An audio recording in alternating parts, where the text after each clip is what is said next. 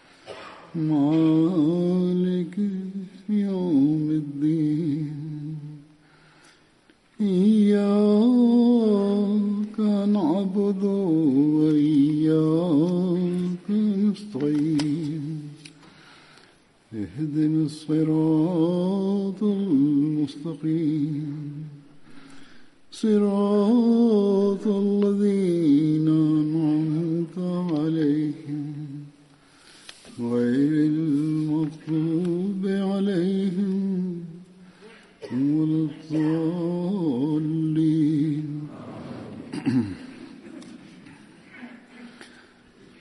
آج 23 مارč je. Rahman i Rahim, Huzur kaže danas 23. marta. Na današnji dan je da je, je dan kad da se, pa, obilježava se ovaj dan da je obećan me se osnovu zajednicu i me svih maude u, u džamatu se obilježava ovaj dan i održavaju se razni skupovi da se to obilježi. Narednih dva dana je vikend sa subota i nedelja. Većina džemana, džemata će ovaj, ovim danima održati ove skupove. I na tim skupovima će se spomenjati historija džemata i ovi događaj. Danas ja želim, Huzur kaže, navesti neke isječke iz pisanja obječanog misjela i selama, u kojima je on spomenuo cilj svrhu dolaska obječanog mesije i potrebu za tim, i on je u, svom, u svojoj izjavi iz, objasnio ove stvari. Poslije njegove tvrdnje, takozvani na muslimanska ulema, oni su s ciljem da potaknu općanito muslimane, učinili sve što su mogli. Dokle god su mogli stići, oni su otišli, I do danas se ove stvari i dalje događaju i rade. Međutim, uz Allahovu pomoć ova zajednica pravi napredak i lju, pobožni ljudi se pridružuju zajednici. U svakom slučaju, obećana Mesija, ali islam,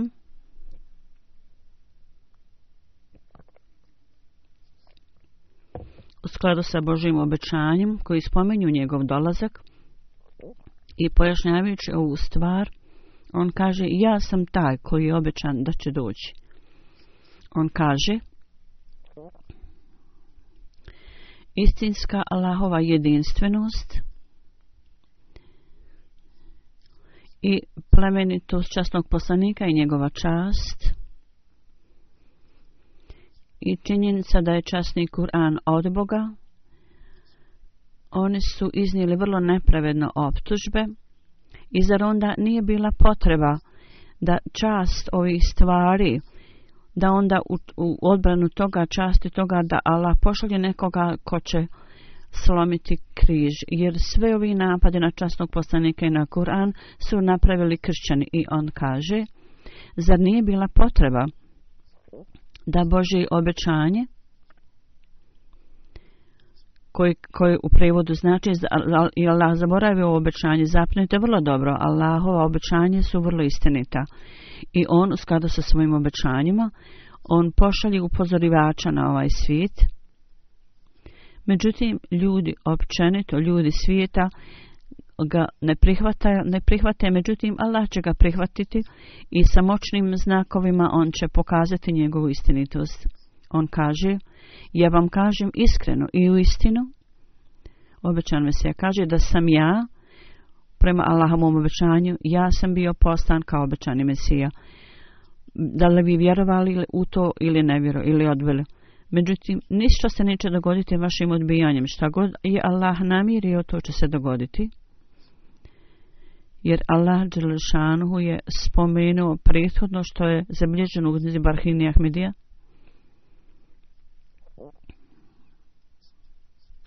Allah i njegov, znači, u prevodu znači Allah i njegov poslanici su istiniti i o to će se obistiniti i to će se dogoditi. U jednom prilikom on je rekao,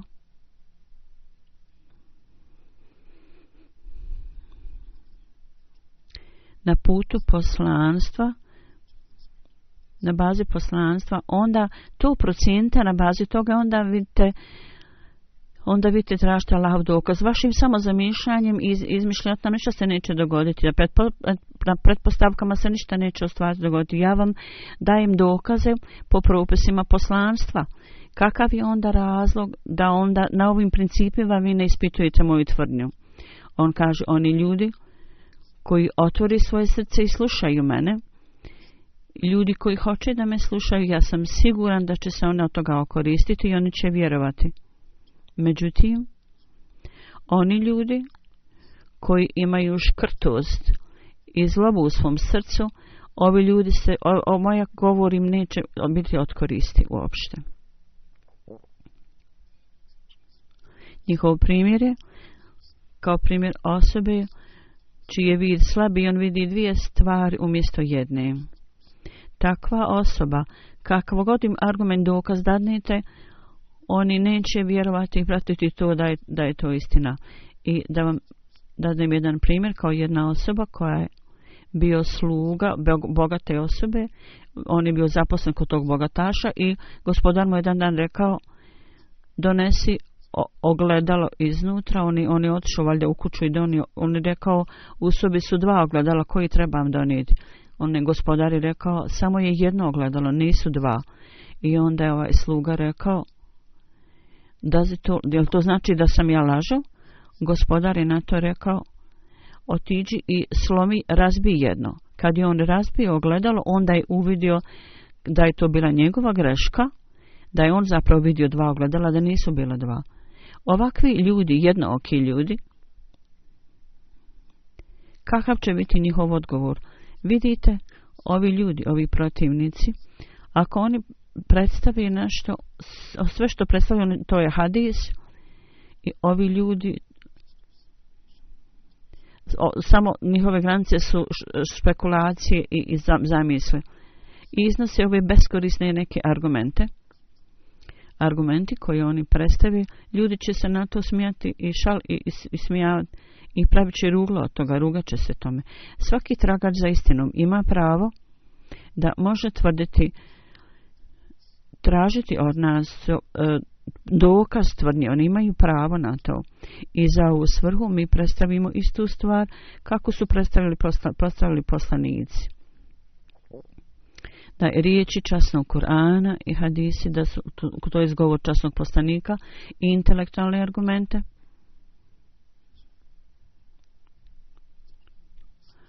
koji su neophodni za reformatora da ih predstavi I onda znakove koji su, koji je pokazao na mojim rukama, ozbrotno se ja kaže, ja sam predstavio patent.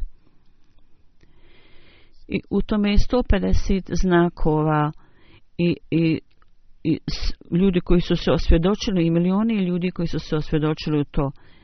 Predstavljati besmislene stvari, absurdne stvari, nije bogobojazno. Časni poslanik Salim je zato rekao, osoba koja dođe bit će sudija, on će odlučivati stvar i vi prihvatite onda presud koju on daje. On će odlučiti, prihvatite onda njegovu presudu. Oni ljudi koji u svom srcu imaju smutnju, oni neće da vjeruju i oni će odbiti svaki argument koji im dati, im će predstaviti neke svoje argument. Vi treba da zapamtite da na kraju Allah Đelešanu ću skada sa svojim obećanjem moćnim znakovima dokazati moju istinitost. Obećan mi se ja kaže. Ja sam siguran da, da sam ja nešto izmislio i skovao bi mene odmah ubio. Ali sve što ja kažem, već nam se ja kaži, je zapravo Allahov rad, je Allahov posao ja sam poslan od njega, on me je poslao. I poricanje mene je poricanje Allaha Đelešanhu. Zbog toga Allaha Đelešanhu će dokazati i pokazati lično moju istinitost, objašnjavajući ovu tačku dalje, da negiranje obećanog Mesije, šta će biti rezultat toga, da će to završiti u negiranju poricanja Allaha i časnog poslanika, salam, negiranje časnog poslanika. On kaže, poricanje mene nije poricanje mene. Zapravo, to je poricanje Allaha i njegovog, posl njegovog poslanika, časnog poslanika, salam, salam, jer onaj ko poreće moju tvrnju, prije nego što porekne mene, Bože sačuvaj, onda pro, on proglašava da je Allah neistini, da govori neistinu. I onda zar osoba ne vidi da su unutrašnji i vanjski neredi prašli sve granice. Allah je obećao u svom obećanju.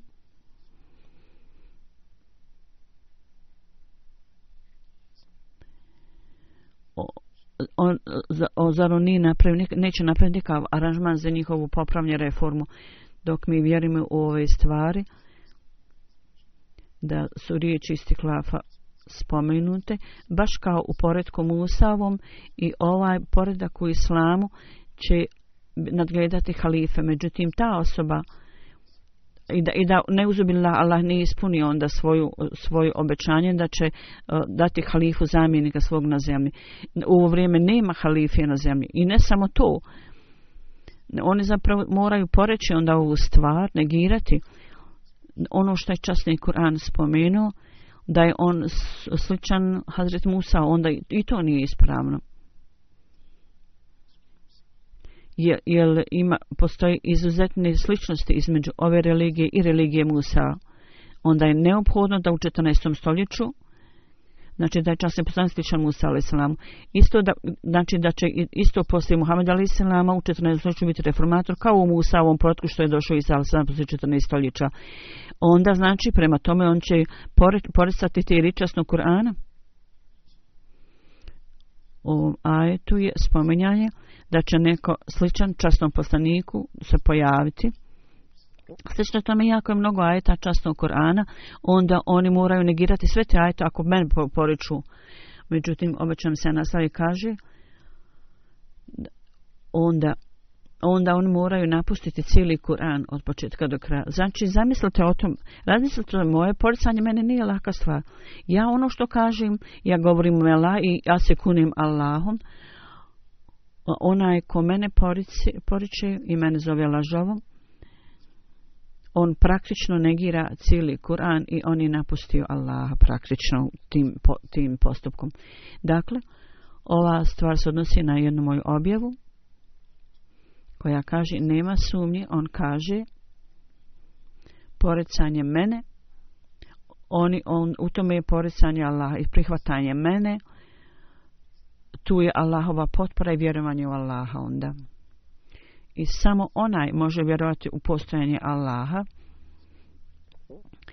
koji zna da poricanje mene nije poricanje mene, nego poricanje časnog poslanika. I prije toga, ako bilo ko prije ima hrabrosti da mene porekne, treba da razmisli i treba da traži od svog, iz svog srca o uputu uh, ko je taj kojeg, kojeg on hoće da poriče. Objašnjajući dalje ovu stvar, on kaže, poricanje obećanog mesiji zapravo je ravno poricanjem časnog poslanika, sallallahu alaihi ve sellem.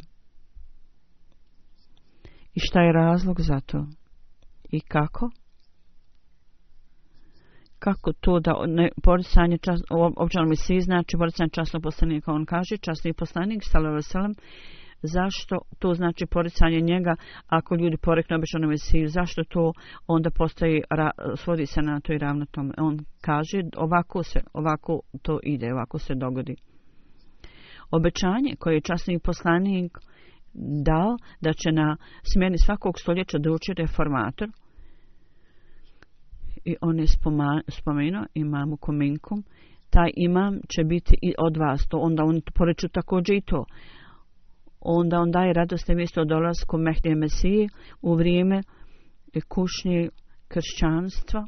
Niko nije došao. Ako neko ne vjeruje u, u, u mene, onda on praktično, zar on onda neće poricati istinitost častnog poslanika koji je ovako pro, pro, pre, predskazao i rekao. Ja onda ponovo kažem vrlo otvoreno da poricanje mene nije nešto lahko prije nego što mene nazovete nevjernikom, vi morate prije toga onda postati nevjernici tim svojim vjerovanjem, ne, odnosno odbijanjem mene. Prije svega, vi treba da vjerujete u zalutalost onda, ako mene zovu da sam ja napustio časni Kur'an, onda oni lično će time napustiti časni Kur'an i hadis. Oni onda ne vjeruju u Kur'an, a ne ja. On kaže, ja sam taj koji potpomaže časni Kur'an, ja nisam nevjernik u to. I ja sam ispunjenje, a velil mu'minin prvi od vjernika. Šta god je meni Allah objavio, ja sam to proglasio da je od Boga i onaj ko vjeruje u Allaha, oni koji vjeruju časnog poslanika da istinit ispravan, to je dovoljno za njega da sluša, kad sluša to s mojih usta, onda on šuti. Međutim, ljudi koji su vrlo drski u ovoj stvari, šta mi možemo uraditi ovim ljudima. Sve ove stvari, oni objasni ove stvari gostima koji su bili došli i rekao je, nemojte žuriti u, moj, u pitanju mene u mojim stvarima. Budite otvorenog uma i razmislite o mojoj tvrdni i o meni. I onda, u drugom prilikom, on kaže, ako ovi ljudi u svom srcu imaju škrtost. Oni trebaju slijediti mene i onda će vidjeti da li ih Allah ostavlja u mraku ili ih izvodi na svjetlo. Ja sam siguran da ovi ljudi koji budu ustrajni, strpljivi i slijede mene neće biti umuništeni. E, Zapravo će dobiti život koji se nikad ne završava. To je da kažemo, on će dobiti blagoslov u ovom životu i na drugom životu. U nahiretu, na drugom svijetu, na hiretu, Allah će ih blagosloviti, blagodati, obiljem. On kaže, čije srce je čisto i ima strah od Allaha u tom srcu, za tu osobu u pogledu dolaska drugi put častnog poslanika, kao što sam spomenuo Hazret Isa koji je došao, on treba da meni kažu na, na pitanje jevreja da je, da je bilo suđeno da Elijas ponovo dođe Elija poslije, mesi, poslije kao Meseja, jel to onda je pogrešao ili ispravno? Jevreji kažu, Malači je spomenut da će Elija doći kao Mesij i spomenute da on lično će doći a da nije niko sličan tome. Nije spomenuto da će neko sličan njemu doći. Oni kažu Hazreti Mesih iz na... Nazareta. Oni kaže ova osoba je trebala, to, ov, to je bi ova osoba, ako vjerovali to ili ne, tako i sa Lisalam rekao. Ta osoba je bio taj i taj. Dakle, obećano mi se određen da bude istinski sudija i onda treba da vjerujete u njegovu odluku. Koju odluku je on donio? On će dati odluku u prilog jevreja, u, u prilog onog što je napisano. Međutim, ova odluka ne bi bila ispravna, jer musliman koji vjeruje u Boga, on zna vrlo dobro kako su pođu poslanici poslani. Oni vjeruju šta god je Mesija rekao da je to istina. Zna, znači, prethodna, prethodna, prethodna rečenica trebala biti prevedene, hoće li onda on odgovoriti u prilog jevreja ili to bi bilo onda pogrešno. On, oni to doslovno shvataju i očekuju doslovni dolazak Ilija. Vrlo je tužno i vrlo je žalosno da ovi ljudi nemaju toliko vjere koju su čak ljudi faraona imali. Jer se oni, oni ovako odlučiva ako ova čovjek laže, on će sam umrijeti, ali će ga ukinuti. Ako ovi ljudi imaju bogobojaznost ispravnosti o meni, onda će barem toliko da, da kažu i neka onda vide da li mene Allah pomaže ili ne. Je li Allah dokrajčio moj poredak ili ne? Sada, ovih dana, ovaj glas koji je podignut iz malo, vrlo malog sela dostigao je do svih krajeva svijeta i ovo je dokaz njegove istinitost obećanog mesiji u dalekim oblastima gdje je prije 30 ili 40 godina nije nikakav koncept Ahmedijata to stigao do tamo. Sada je poruka Ahmedijata stigla tamo i ima ljudi, ne samo to, nego ima mnogo ljudi koji su tako snažni i strogi u svojoj vjeri. Ja ću spomenuti jedan događaj iz Benina. Ovo je mala zemlja u Africi. Tamo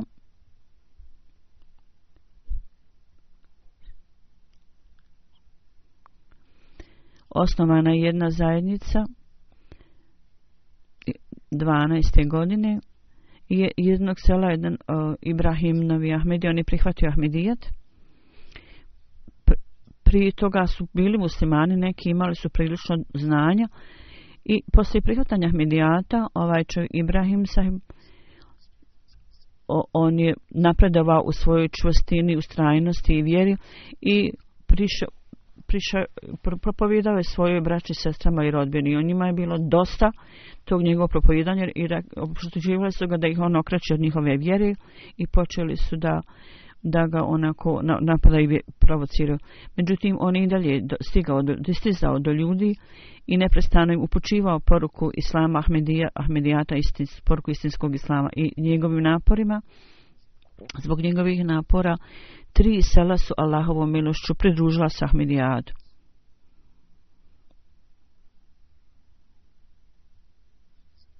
Onda je njegov brat, Ibrahima, Ibrahimov brat, uz pomoć nekog prijatelja planirao da ubije svog brata Ibrahima, koji je primio Ahmedijet, jer on širi Ahmedijet i mislio je da je jedini lik zato da ga ubiju. Ibrahim sajb kaže, ja sam vidio usnu, da moj brat i njegov prijatelj dižu neku rupu i nešto stavljaju tu rupu. Poslije tri dana, poslije mog sna, prijatelj mog brata, Ibrahim Sab kaže, se razbolio i umro. Na to je moj brat počeo govoriti da ovaj ah, moj Ahmedi brat sigurno je neku magiju počinio i zato se to dogodilo. Posle nekog vremena, Ibrahim sebi kaže, ja sam usno vidio da moj brat i još neka osoba mjere sto, stoji uz neko drvo i mjere. Ovo je tamo običaj da se dužina tijela mjeri, mjeri uz to drvo, uz neko drvo. I kaže, poslije nekoliko da, dana trudna žena mog brata se razboljela i umrla. I djeca su također se razboljela. I njegov brat Ibrahimov brat je raširio, po, raširio Haber da je to zbog njegove magije. I lokalni poglavica je, mu je prigovarao Ibrahimov i uh, tražio da donese neke pare i rekao je da će ga onda izliječiti i tako dalje. U svakom slučaju, njegov brat, njegovog brata je pogled se tražio pare. Tako da je ovaj kralj onda pozvao Ibrahim sahiba. On je tamo otišao. Bio je vrlo, on je bio vrlo ljut. Poglavca bio vrlo ljut i rekao šta ti radiš i ti vjeriš u novu religiju, ti si počeo novu religiju, odmah da to napustiš i pokaj se. Inače, nećeš biti u stanju da vidiš sutra, sutrašnji izlazak sunca. Ibrahim Sahim je rekao, pri, religija koju sam ja prihvatio ja, je istinita, ja prema tome ne mogu napustiti. Što se tiče smrti, to je potpuno Allahovim rukama. Poglavica je rekao na to, ja sam Bog ove oblasti, ja radim sve što ja hoću. Ti dobro znaš ove stvari, šta ću ja odlučiti. Kad ja nekom kažem da će umrijeti do sutra, on umri do sutra. Ibrahim sahib je rekao, ti možda kažeš ove stvari drugim ljudima, međutim, ja ne kažem ništa, ali ja neću napustiti svoju religiju jer ovo je istinski islam i istinski put. Tako da ovaj poglavce još više bio povređen i rekao je, zaključajte ovog čovjeka u sobu. I ljuti su, ga odveli, Ibrahim sahib je rekao, nemojte ulaziti u moju stvar, ne uplećite se, ostavite ove stvari, umjesto da me zatvorite u sobu, ostavite me. U ovakvom slučaju ovi ljudi su pohlipni, oni su dobili neke pare i ostavili, ostavili su ga, nisu ga zatvorili. Narednog dana ne samo da, o, da on poglavica je rekao da na onićo dok je trađeno sunce zapravo tog dana kralj se paralisao i nije mogao nigdje da se pokrene i posle nekoliko dana je umro gledajući na to stari brat Ibrahimo je rekao hajde da napravimo dogovor između mene i tebe. Ibrahim Saib je rekao, ja sam miroljubiva osoba, ja neću niskim da se svađam nakon što su vidjeli ovaj veliki, veliki znak smrtovog poglavice u oblasti, to je bio pozitivan efekt dojem toga, ljudi su počeli govoriti o tome, da je i tako istinitost Ahmedijata bila utvrđena. Ovo su stvari koje Allahovom milošću i danas događaju se u potporu obećanog Mesije i o, oni utvrđuju istinitost njegovu. Obećani Mesije Ali Salam kaže, pogledajte, ja se kunim Allahovim imenom, da je hiljade znakova koji su pokazani u mojoj naklonosti, u mom prilogu i stalno su, se pokazuju u budućnosti, također ovi znakovi će se pojavljivati. On će se pojaviti u budućnosti, oni neće biti završeni. Ako da je ovo ja, posao čovjekov, onda toliko pomoći i potpore Allahove ne bi bilo. To je Allahov plan, zato je tu njegova pomoć. Jednom prilikom On je govorio o potrebi reformatora i rekao je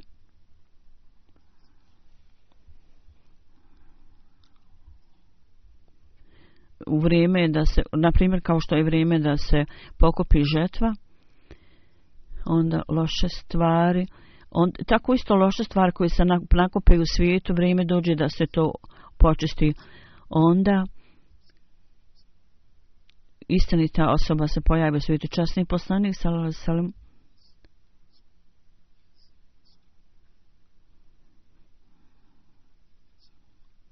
Časnom poslaniku ljudi nisu pridavali važnost od početka i ljudi su se imali neki strah od toga. Međutim, ovi ljudi sada ne ustručavaju se i ne ustežu se da zovu ga lažovom i oni su porekli naše znakove, o čemu se ja kaže o sebi, i koriste ružan jezik i galame i psuju. Sigurno je došlo vrijeme da Allah se s njima obhodi i Allah s njima postupi. Uvijek u takvo vrijeme, al kad, kad su ljudi e, zapravo psovali su i dužu časnog poslanika i onda je Allah u potporu istine poslao onog svog izostanika da potvrdi istinu i temelj istinu časnog poslanika Islama. I Allah je to je Allahova tradicija da on stvori i odredi i pošalje nekoga. Uvijek je Allah tako postupao s ljudima. Sada je vrijeme došlo, on kaže, da kad Allah Đelšanu skladu sa svojim sunnetom, tradicijom, on je poslao mene i kaže, ako pogledate na Allaho na Allahove riječi i stvar, kad stvari iz, izmaknu kontrol, izmaknu rukama, onda to vrijeme dođe, to je kao priprema. Tako su istinski postanici i vjerovjesnici, oni dolaze kad je potreba vremena i ljudi treba da kažu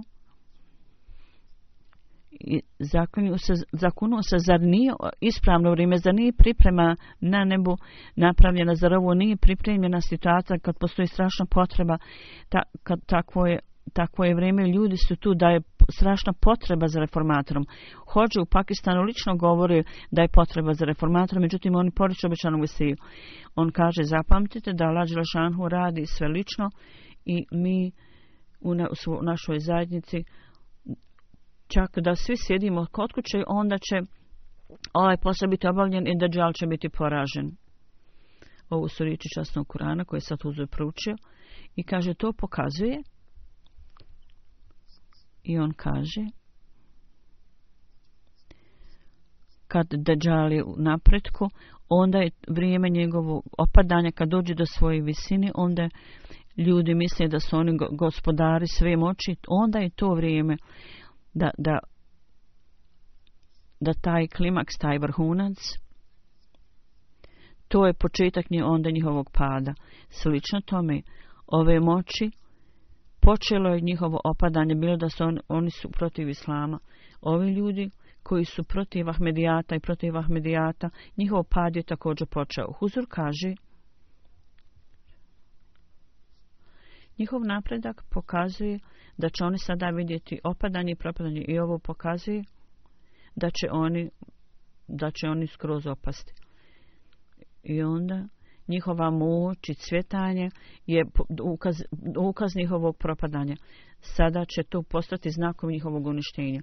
Da, sada duva uh, svježi povjetarac, međutim, malo pomalo ovi će znakovi postati manifestovani očiti. Allah Đelšanu polako radi ove stvari, ali ove stvari će se sigurno dogoditi. I on kaže, čak da mi nemamo ni jednog argumenta, ni jednog dokaza, Međutim, gledajući samo na stanje svijeta, neophodno je za muslimane da tragaju za znakovima zašto Mesija nije došao do sada da slomi krst. i trebali su ga pozivati da, da riješi rasprave i svađu među njima. Ako imaju ljubav prema islamu, onda bi pozivali Mesiju da riješi stvar među njima. Njegov posao je da slomi krst i to je potreba ovog vremena također. Na jedno mjesto on je rekao, ateizam se širi i ja sam došao da odbijem ateizam. I zato je on nazvan, nazvan Mesih Maud, obećane Mesija. Mesija da hođe imaju ikakav ljubav, ikakvu ljubav za dobrobit čovečanstva, oni ne bi radili ono što su radili prema meni, bi se trebali razmisliti da protiv mene su napisali napisali iskazi fetvu i šta je došlo od toga, šta su imali koristi od toga. Aladžel Šanhu je rekao, ovo je određeno da se to dogodi, ko je taj ko će to zaustaviti?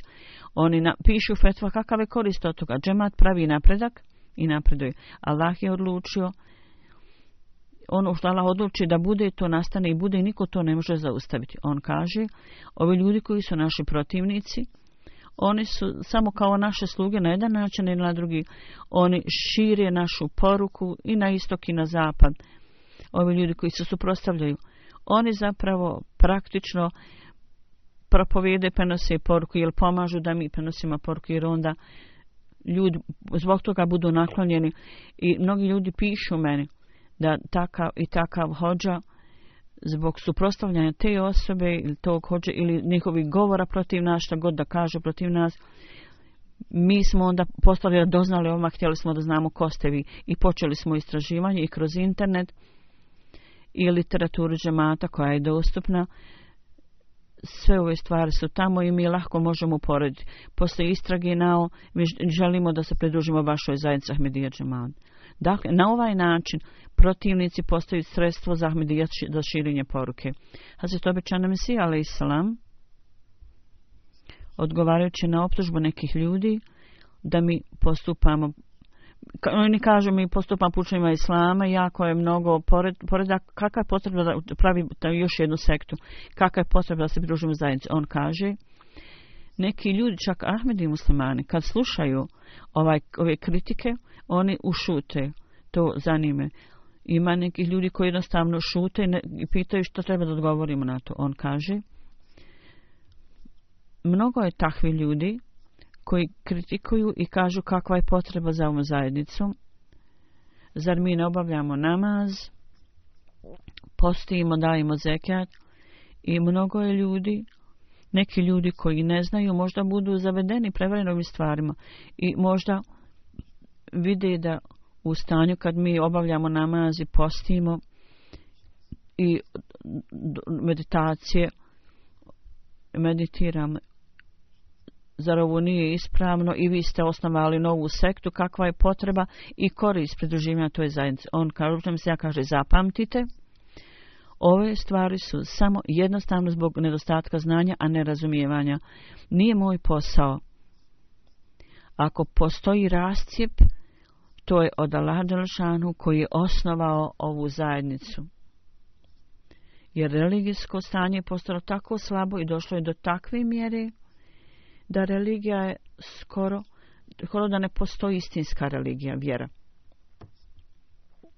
I ovo ono što Lađe Žanu spomenuo, da treba da bude osnovana religija. I u ovim, u ovom slučaju ova optužba je beskorisna. Zapamtite, da ova vrsta sumnje ne smije doći u srce nikoga i ako neko razmisli i ako ima neku sumnju i dvojbu, onda to neće biti tu. To je zbog straha i nedostatka razumijevanja. Ovi ljudi koji vide prividne stvari čine i kažu ima i drugih muslimana, takve sumnje i dvojbe su uzrok brze smrti ljudi, duhovne smrti ja sam primio neko, neka pisma od nekih ljudi koji su u našoj zajednici. Oni su dali zavid bajat, ali kažu, kad nam budu rečene ove stvari, da drugi ljudi prividno također obaljaju namaz, vjeruju kelmi šehadet, posteje, čini dobra djela također. I oni izgleda da su pobo, izgledaju pobožno ljudi i pitaju kako je onda potreba za ovom zajednicom. Huzur kaže, ove stvari, iako se oni pridružuju naše, na, na, našoj zajednici, oni međutim pišu kad čuju ove sumnje e, od drugih ljudi, on ne, ne znaju da odgovore. Čiti, čitajući ove pisma ja e, osjećam, e, osjećam se, želim ove ljude da oni nisu shvatili. On, jednostavno vidite ceremonijalno, ovi ljudi drugi obavljaju sve ove uh, dužnosti islamske i ispunjavaju obaveze. Međutim, stvarna stvar, suština nije tu ove stvari ne, ne treba da se rađe samo prividno, nego istinski, istinski duh treba ispuniti dužnosti kako treba obavljati u istinskom smislu duhovno ove se obaveze. Ove sumnje i, i dvojbe u srcima ljudi koji oni govori, oni ako iznose, to služi kao magija na srcima ove ljudi koji nisu potpunosti svjesni i on, oni ne, ne razumiju da mi treba da stvorimo istinsku vjeru koja će spasiti ljude od ove, od ove otrovne smrti duhovne. I ovi ljudi koji govori prividno samo stvari, oni ne vide stvarnost, oni vide samo kožu, a ne vide, ne vide, ne vide tkivo ispod. I praktičnom praksom oni to rade, međutim stvarni duh i bogobojaznost je odsutna. On kaže, ako muslimani njihovi postupci uh, da ako, ako su ovi i da su ovi njihovi postupci ispravni, gdje je onda uspjeh uspjeh muslimana i rezultat pozitivan. Muslimani ne razumiju, on kaže muslimani ne razumiju, jedna stvar je protiv islama, on kaže mi kako šala ilah ilah ovajamo namaz, postimo, dajemo zekat, međutim ja kažem, običano mi se ja kažem, ovi neahmedi muslimani, oni kažu, sve mi radimo u skladu sa islamom i nema ništa što je protiv islama i, i, i ne možete misliti da ste vi bolji od nas jer mi govorimo lajla hilala, postimo, dajemo zekat, klanjamo i stalo. I on kaže, ove stvari nisu ništa bez suštine, misli istinskog duha. Kaže, ja kažem, svi njihovi postupci nisu istinski bogobojazni postupci, nego samo kao nešto kao koža, a šta je stvarna suština, šta je tkivo i tijelo ispod kože. Da, ako su ove i da su ovi postupci istinski bogobojazni, zašto onda pozitivan rezultat ne proizlazi iz toga? Jer svuda vrada nered i loše stvari sve se ove stvari tamo prisudni. Kako onda? Ja mogu, ja ne mogu vjerovati da je osoba bogobojazna i obavlja bogobojazna dijela, a da je neprijatelj ljudi istine. Ovi ljudi nas proglašavaju da smo izašli, napustili istinu. Ja se kunim Allahovim imenom. Ja sam spomenuo Allahovo ime da Allah Đelešanhu je mene odredio ovo doba i ako oni imaju ikakav osjećaj za Allahovu čast, treba imati strah od Allaha i ne treba da me poriču i negiraju. On, jer time negiraju Allahove riječi. Međutim, kada istinska vjera u Allaha ne, ne postoji u njihovim srcima i da oni imaju strah od sudnjeg dana i da postupaju prema častom Kur'anu i ne kažu ništa ono o čemu ne znaju, i spomenjući drugu stvar da da je svrha dolazka obačanom i da popravi unutrašnje i vanjske nesloge i svađe.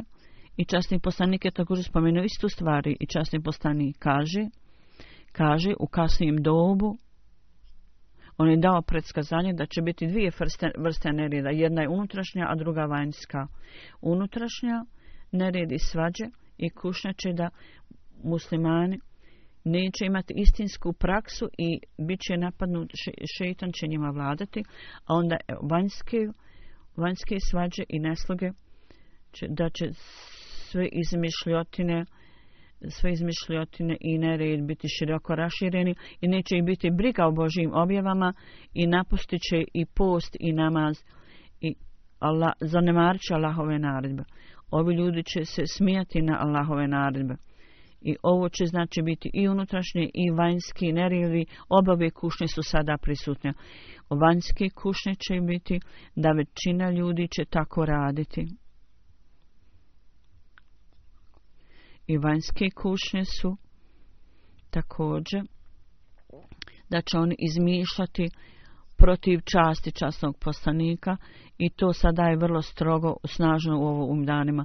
Oni će praktično, praktično svojom praksom ponižavati svetost Islama.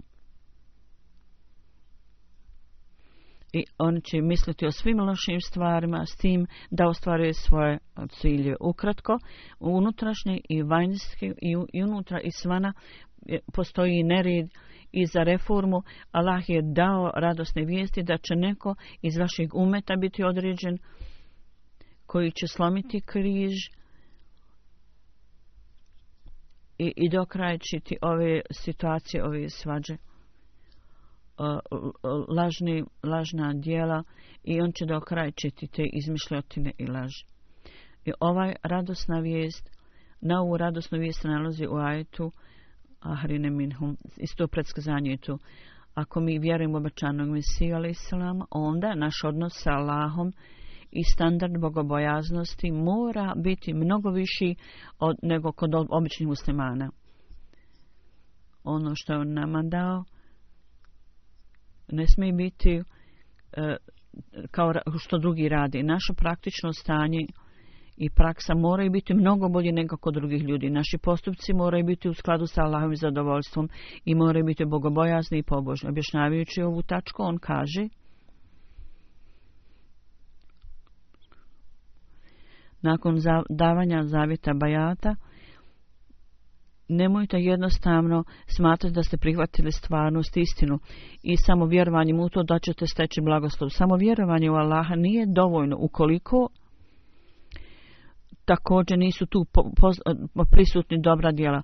Nastojite, kad pridružite se ovoj zajednici, nastojite da postanete pobožni i bogobojazni, vjerski ljudi, napustite sve poroke i trošite svoje vrijeme u ibadetu i uvijek imajte u srcu strah od Allaha. Kad period kušnje dođe, onda Allah Đelešanhu vrlo strogo ukažnjavanju ljudi.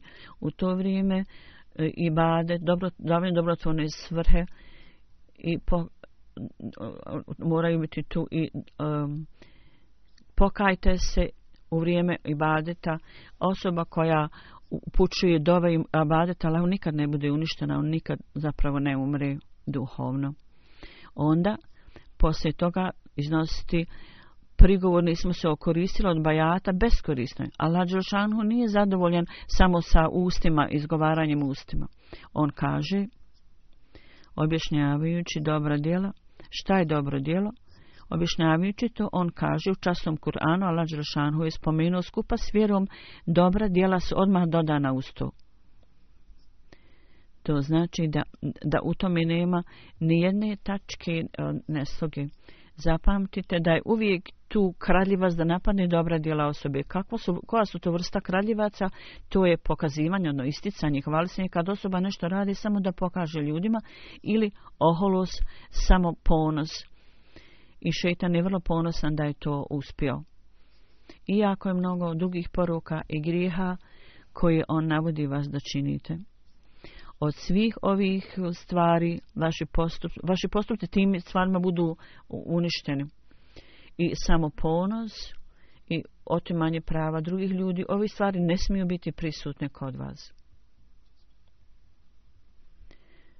U, u životu na hiretu, kad osoba osoba će bude spašena dobrim dijelima. Isto tako na ovom svijetu osoba će spašena dobrim dijelima.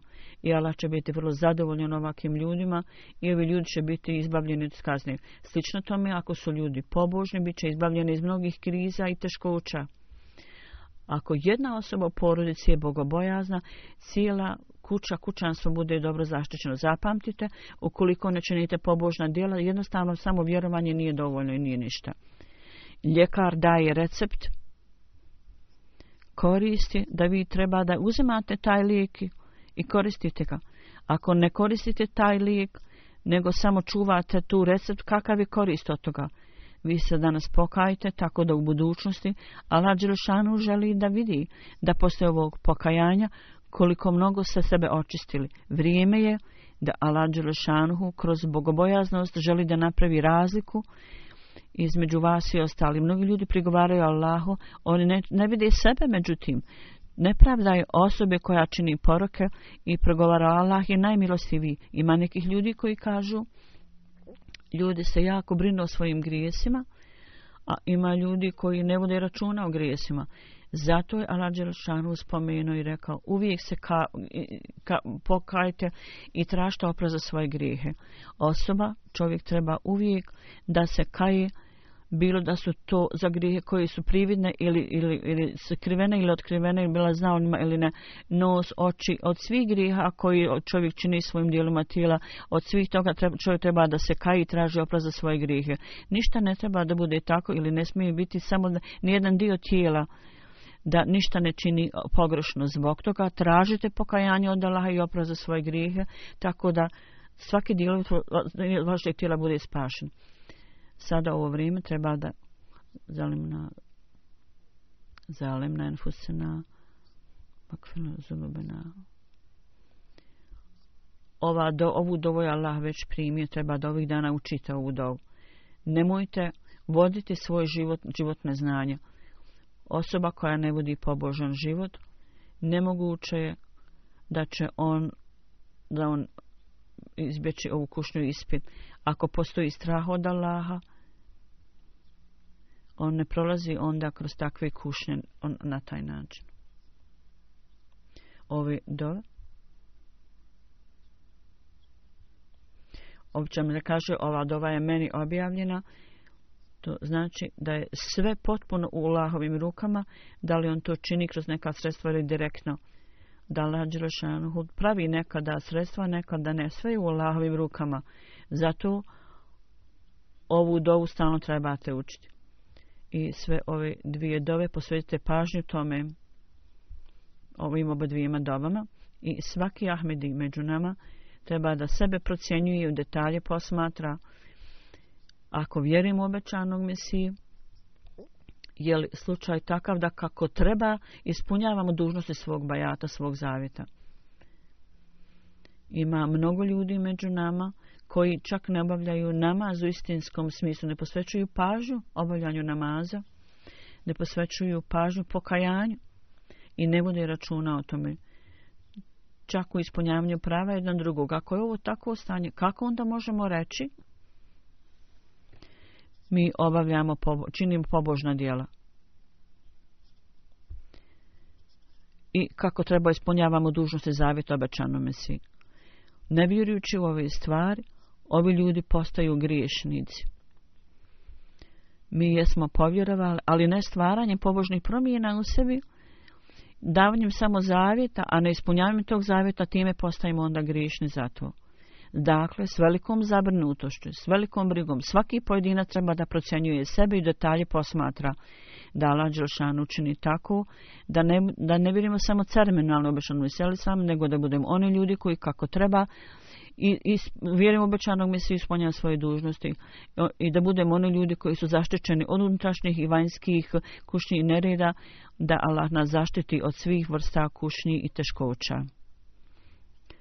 Je želim da spomenem također dobru vijest, radosnu vijest. Nomin El Hakam, započete 1934. godine i danas, se započelo izdanje odavde na engleskom Al-Hakam. I na današnji dan, na dan obećanog Mesije, bio je, prve novine su bile u toku života obećanog Mesije, ali salam ove ovaj Al-Hakam.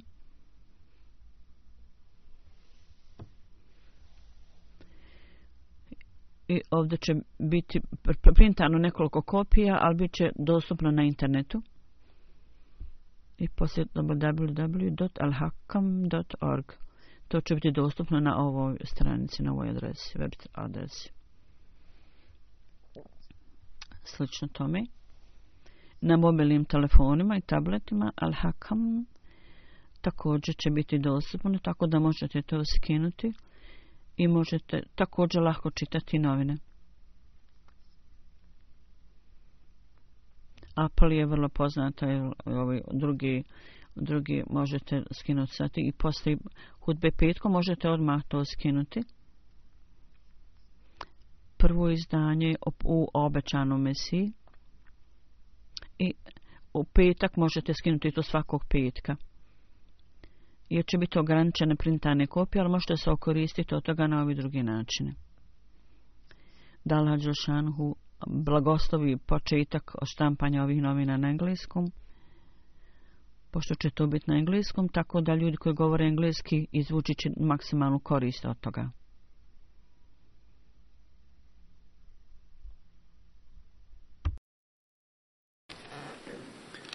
الحمد لله الحمد لله نحمده ونستعينه ونستغفره ونستغفره ونؤمن به ونتوكل عليه ونعوذ بالله من شرور أنفسنا ومن سيئات أعمالنا من يهده الله فلا مضل له ومن يضلل فلا هادي له ونشهد أن لا إله إلا الله ونشهد أن محمدا عبده ورسوله